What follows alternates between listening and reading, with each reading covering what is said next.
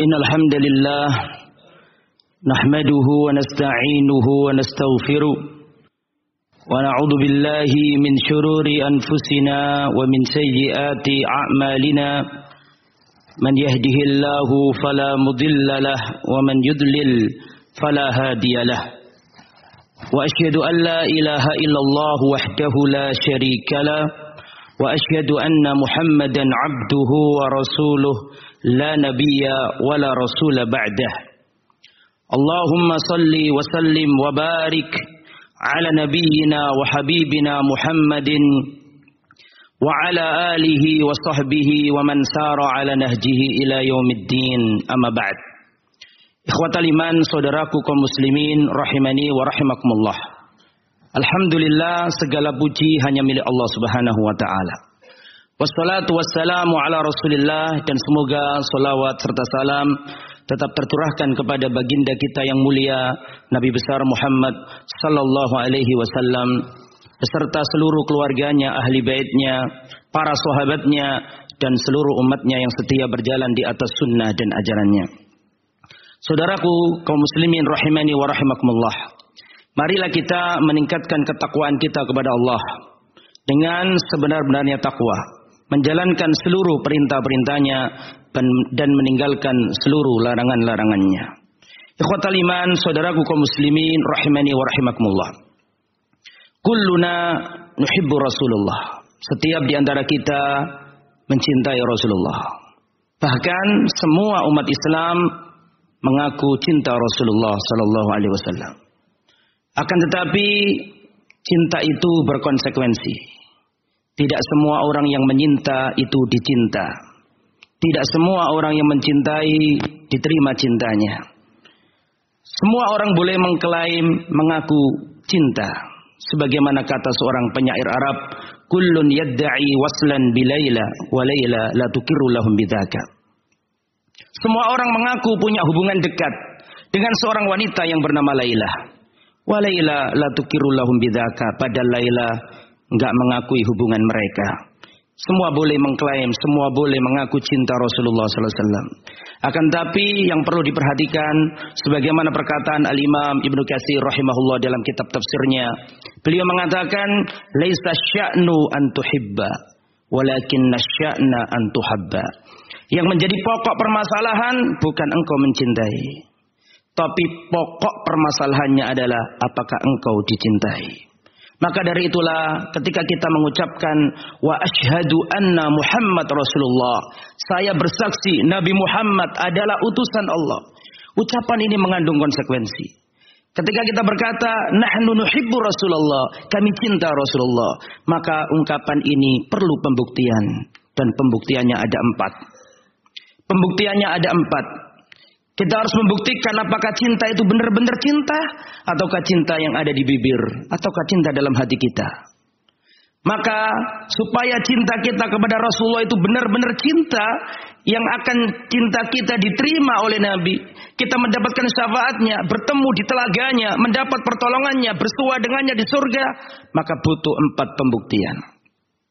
Yang pertama adalah tasdikuhu fi ma akhbar wajib mempercayai Rasulullah dalam setiap berita dan kabar yang diceritakan kepada kita. Membenarkan dan mengimani kabar berita Rasulullah. Itu adalah konsekuensi yang pertama. Nabi mengabarkan bahwa nanti ada hari kiamat, wajib diimani. Nabi mengabarkan bahwa nanti ada azab kubur, siksa kubur, ada sirat, ada mizan, ada hisab, ada jannah, ada neraka. Sami'na wa ta'na. Kami iman, kami percaya, kami membenarkan ucapanmu ya Rasulullah. Itu adalah syarat yang pertama, pembuktian yang pertama, membenarkan beritanya Rasulullah. Ketika Rasulullah Shallallahu Alaihi Wasallam diisrakan oleh Allah dari Makkah ke Madinah, dari Makkah ke Madinah, bermaaf dari Makkah ke Baitul Maqdis, ke Masjidil Aqsa. Ketika Rasulullah pagi hari mengabarkan ini ke kafir Quraisy, maka mereka senang dengan berita ini. Karena menurut mereka berita ini justru menunjukkan kebohongannya Muhammad. Mereka datang dengan membawa perasaan senang. Ingin mendebat Abu Bakar dan mereka berkata, Ya Abu Bakar, wahai Abu Bakar tidakkah engkau mendengar bahwa saudaramu ini semakin semakin aneh. Dia berkata bahwa dia pergi dari Mekah ke Baitul Maqdis dalam semalam saja. Maka Abu Bakar mengatakan, Wallahi, demi Allah, aku benar-benar percaya dengan ucapannya. Bahkan lebih jauh dari itu, aku mengimaninya. Itulah makna dari membenarkan beritanya Nabi. Rasulullah juga mengatakan, Idza waqa'a fi ina'i ahadikum jika lalat hinggap atau mencelok di minumanmu atau di bejanamu kata Nabi falyahmismu falyahmizhu maka celupkan sekalian lalat itu kemudian setelah itu lempar buang. Kenapa? Kata Rasulullah wasallam karena satu dari karena lalat itu memiliki dua sayap. Salah satunya mengandung racun sayap yang lain mengandung penawar. Maka wajib kita imani, nggak boleh kita katakan ini hadis nggak relevan, ini hadis jorok, ini hadis kotor. Lah, kalau engkau ngaku umatnya Nabi wajib kau imani. Apalagi ini riwayat Imam Bukhari telah sah kesohihannya. Maka wajib sami'na wa ta'na. Rasulullah mengabarkan muhayyabat perkara-perkara gaib. Wajib kita imani. Karena ini adalah konsekuensi pertama dari cinta kepadanya.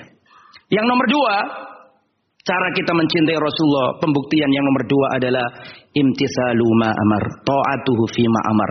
Taat dan menjalankan perintahnya Nabi. Nabi kalau menyuruh kita sholat berjamaah, mari kita sholat jamaah. Sholat jamaahmu adalah bukti kecintaanmu kepada Rasulullah. Rasulullah menyuruh kita berbuat baik kepada orang tua, mari kita berbuat baik kepada orang tua. Rasulullah Shallallahu Alaihi Wasallam menyuruh kita untuk melaksanakan kebaikan, mari kita lakukan. Karena menjalankan perintahnya Nabi itu adalah ekspresi cinta yang sesungguhnya. Melaksanakan perintahnya Nabi. Umar bin Khattab itu adalah orang yang anti bergantung dengan benda-benda. Umar bin Khattab radhiyallahu anhu. Umar bin Khattab pernah mendengar bahwa pohon yang ada di dalam Quran yang ada kisahnya di dalam Al-Quran bahwa dulu itu ada pohon yang pohon ini itu dulu dipakai oleh Rasul dan para sahabat ketika berbaiat baiatur ridwan Rasulullah ada di bawah pohon itu dengan para sahabat yang jumlahnya 1400 sahabat di bawah pohon mereka bersumpah setia berbaiat kepada Nabi. Dan Rasulullah pada waktu itu berkata kepada orang yang ikut baiat kalian adalah manusia terbaik di muka bumi saat ini. Tidak ada manusia di muka bumi yang lebih baik dari kalian ini. 1400 manusia berbaiat kepada Nabi di bawah pohon. Rasulullah wafat Abu Bakar wafat. Di zamannya Umar bin Khattab manusia sudah mulai Ya banyak yang masuk Islam dari berbagai jenis manusia masuk Islam. Maka mereka membaca Al-Quran. Dijumpailah dalam Al-Quran itu ada kata mereka berbaikat di bawah pohon.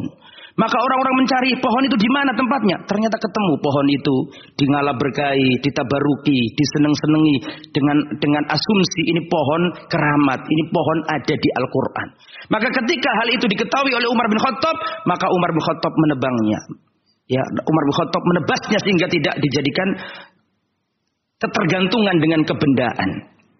Meskipun demikian, ketika Umar di depan Hajar Aswad, Umar bin Khattab mengatakan, "Wallahi inni la alamu annaka hajarun la tadurru wa la tanfa." Wahai Hajar Aswad, aku tahu kamu itu batu, gak bisa mendatangkan manfaat dan madarat. Laula anni raaitu Rasulullah yukabbiluka ma qabbaltuka. Kalaulah bukan karena aku melihat Rasulullah menciummu, gak bakalan aku mau nyium kamu. Tapi karena Rasulullah nyium kamu, aku taat, aku sami'na wa ta'na, aku nyium kamu. Itulah bukti cinta, menjalankan apa yang diperintahkan Nabi. Yang ketiga adalah ijtinabu manaha anhu wa zajar, meninggalkan larangan Nabi. Kita panjenengan cinta Nabi, ayo kita tinggalkan larangannya. Nabi melarang kita berinteraksi dengan muamalah riba. Stop, jangan melakukan riba. La'anallahu akila riba wa mukilahu wa kadibahu wa syahidaihi wa qala hum sawa. Allah Subhanahu wa taala melaknat orang yang memberi makan riba, riba yang diberi makan riba, kedua saksinya yang mencatatnya semuanya kena lanat.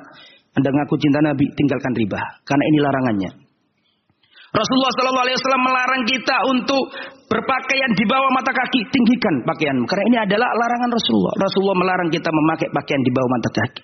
Kalau engkau cinta Nabi, lakukan perintahnya. Umar bin Khattab radhiyallahu anhu menjelang wafat ketika ditusuk oleh Al-Mal'un Abu Lu'lu'a Al-Majusi bersimbah darah, hampir wafat di gerbang kematian. Datanglah seorang pemuda menjenguk Umar memberikan kabar-kabar gembira absyir ya Amirul Mukminin fa innaka ya fa innaka khalifah fa innaka syahid kama qala Rasulullah SAW kabar gembira bagimu wahai khalifah kau adalah orang yang adil. Kau dikabarkan Rasulullah mati syahid kau dikabarkan Rasulullah itu penghuni surga. Absyir absyir kabar gembira wahaimu wahai Amirul Mukminin. Kemudian wanita, uh, eh, pemuda ini keluar dari kamarnya Umar bin Khattab. Dalam kondisi hampir wafat Umar bin Khattab melihat ini pemuda keluar sedangkan pakaiannya turun di bawah mata kakinya maka Umar berkata kepada keluarganya ini bersimbah darah hampir wafat Umar berkata kepada keluarganya, tolong panggil pemuda tadi, tong, tolong panggil pemuda tadi. Maka pemuda tadi dipanggil oleh keluarganya di hadapan Umar bin Khattab. Umar bin Khattab berkata kepadanya, iya benar akhi. Wahai anak saudaraku, irfa saubaka angkatlah pakaianmu. Fa innahu atqa fa innahu anqa li saubika wa atqa li rabbika. Karena itu lebih bersih untuk pakaianmu dan lebih bertakwa untuk Tuhan. Hal itu larangan Nabi, engkau ngaku cinta, tinggalkan larangannya Nabi. Dan nomor empat, kalau kita benar mengaku cinta Nabi, maka konsekuensi yang nomor empat adalah wa alla illa bima. Tidak boleh kita beribadah kepada Allah kecuali dengan syariat yang sudah ditentukan oleh Nabi. Tidak boleh membuat syariat-syariat baru yang menyelisih syariat-syariat Nabi. Tidak boleh. Kalau engkau cinta Nabi, jangan berkhianat. Salah satu bentuk Pengkhianatan besar kepada Nabi adalah meninggalkan syariatnya terus membuat syariat sendiri. Menghamba kepada Allah dengan syariat bukan syariatnya Nabi. Gak boleh. Rasulullah Sallallahu Alaihi Wasallam bersabda, Man amila amalan laisa alaihi amru fawraddun. Barang siapa beramal dalam agama tidak ada perintah dari Nabi, tidak berdasar atas perkaranya Rasulullah sallallahu alaihi wasallam, tidak ada tuntunan dari Rasulullah, fawraddun maka itu akan tertolak. Maka ikhwatal iman, apa yang diperintahkan Nabi kita kerjakan. Apa yang dikabarkan Nabi kita yakini, kita imani. Apa yang dilarang kita tinggalkan. Yang dilarang Nabi kita tinggalkan. Ada seorang sahabat Nabi diriwayatkan oleh Al-Imam Al-Muslim dari Ibnu Abbas radhiyallahu anhu. Beliau melihat seorang laki-laki. Rasulullah melewatinya kemudian Rasulullah melihat laki-laki tersebut membawa cincin terbuat dari emas. Maka cincin diambil oleh Rasulullah dan dilempar oleh Rasulullah. Karena itu cincin emas, laki-laki nggak boleh pakai emas. Diambil Rasul dilempar. Kemudian Nabi mengatakan, apakah engkau mau mengambil ya bara neraka lalu kau letakkan di tanganmu? Terus Nabi pergi. Maka sahabat ini pun pulang ke rumahnya. Ditegur sama temannya yang hadir pada waktu itu. Sebentar, ambil dulu cincinmu yang terbuat dari emas itu. Lalu juallah atau gunakan. Tapi jangan dipakai. Maka sahabat ini mengatakan wallahi la akhuduhu faqad tarahahu Rasulullah sallallahu alaihi wasallam. Demi Allah aku tidak akan mengambil cincin itu. Bagaimana engkau menyuruh aku mengambil sesuatu yang sudah dilempar Rasulullah dari diriku? Itulah ketaatan para sahabat. Kalau ada peri, kalau ada berita dari Nabi, sami'na wa anak kami percaya ya Rasulullah. Kalau datang perintah Nabi, maka mereka menjalankan. Ketika ketika datang hadis Nabi, idza Rasulullah Shallallahu Alaihi Wasallam mengatakan jika kamu masuk masjid, kemudian maka janganlah duduk sampai kamu isoli rokatain sampai kamu dulat tidak dakhala akadukum al masjida fala yajlih hatta isoli rokatain. Salah seorang di antara kalian apabila masuk masjid jangan duduk sampai sholat dua rakaat. Gak ada para sahabat menanyakan ini wajib apa sunnah. Perintah kerjakan, larangan berhenti. Itulah para sahabat. Kalau ada berita mereka sami'na wa na percaya. Kalau ada perintah, mereka kerjakan. Kalau ada larangan, mereka tinggalkan. Dan mereka tidak beribadah kepada Allah kecuali dengan syariat yang diajarkan oleh Rasulullah. Aku luka lihada wa innahu al-ghafur rahim.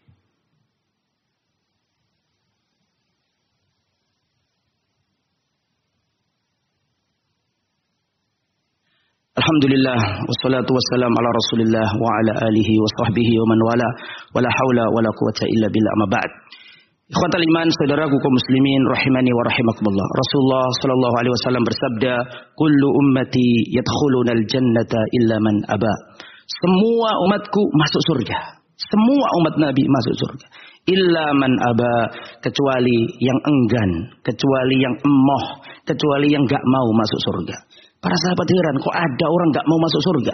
Maka mereka bertanya ke Rasulullah, "Waman ya'ba ya Rasulullah? Siapa yang nggak mau masuk surga itu ya Rasulullah?" Kata Rasulullah, "Man atau ani dakhulal jannah. Man ani dakhulal jannah. Barang siapa yang taat kepada aku, berarti dia masuk surga. Dan barang siapa yang bermaksiat kepada aku, fakot abah. Dialah orang yang enggak mau masuk surga. Semoga kita semuanya dipermudah oleh Allah menjadi orang yang beritibak kepada Rasulullah sallallahu alaihi wasallam dan semoga Allah Subhanahu wa taala menjadikan kita orang-orang yang bisa bertemu dengan Rasulullah di surganya yang luas.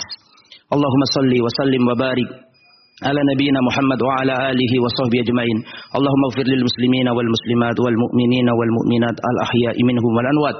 ربنا اغفر لنا ذنوبنا وإسرافنا في أمرنا وثبت أقدامنا وانصرنا على القوم الكافرين. ربنا ظلمنا أنفسنا وإن لم تغفر لنا وترحمنا لنكونن من الخاسرين. ربنا اغفر لنا ذنوبنا وإسرافنا في أمرنا وثبت أقدامنا وانصرنا على القوم الكافرين. اللهم إننا نسألك علما نافعا ورزقا طيبا وعملا متقبلا. اللهم إننا نعوذ بك من علم لا ينفع ومن قلب لا يخشع ومن نفس لا تشبع ومن دعوة لا يستجاب لها. ربنا آتنا في الدنيا حسنة وفي الآخرة حسنة وقنا عذاب النار. وصلى الله نبينا محمد وعلى آله وصحبه أجمعين. وآخر دعوانا الحمد لله رب العالمين. قوموا إلى صلاتكم.